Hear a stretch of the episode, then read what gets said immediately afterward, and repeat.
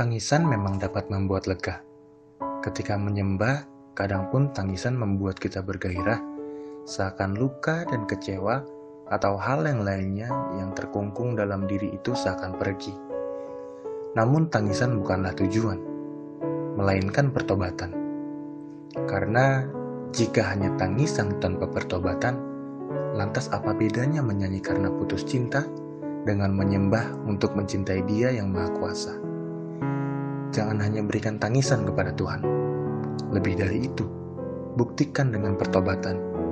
Jika penyembahanmu berlandaskan cinta, maka hasilnya bukan sekedar tangisan semata, tapi pertobatan dan keserupaan akan Dia.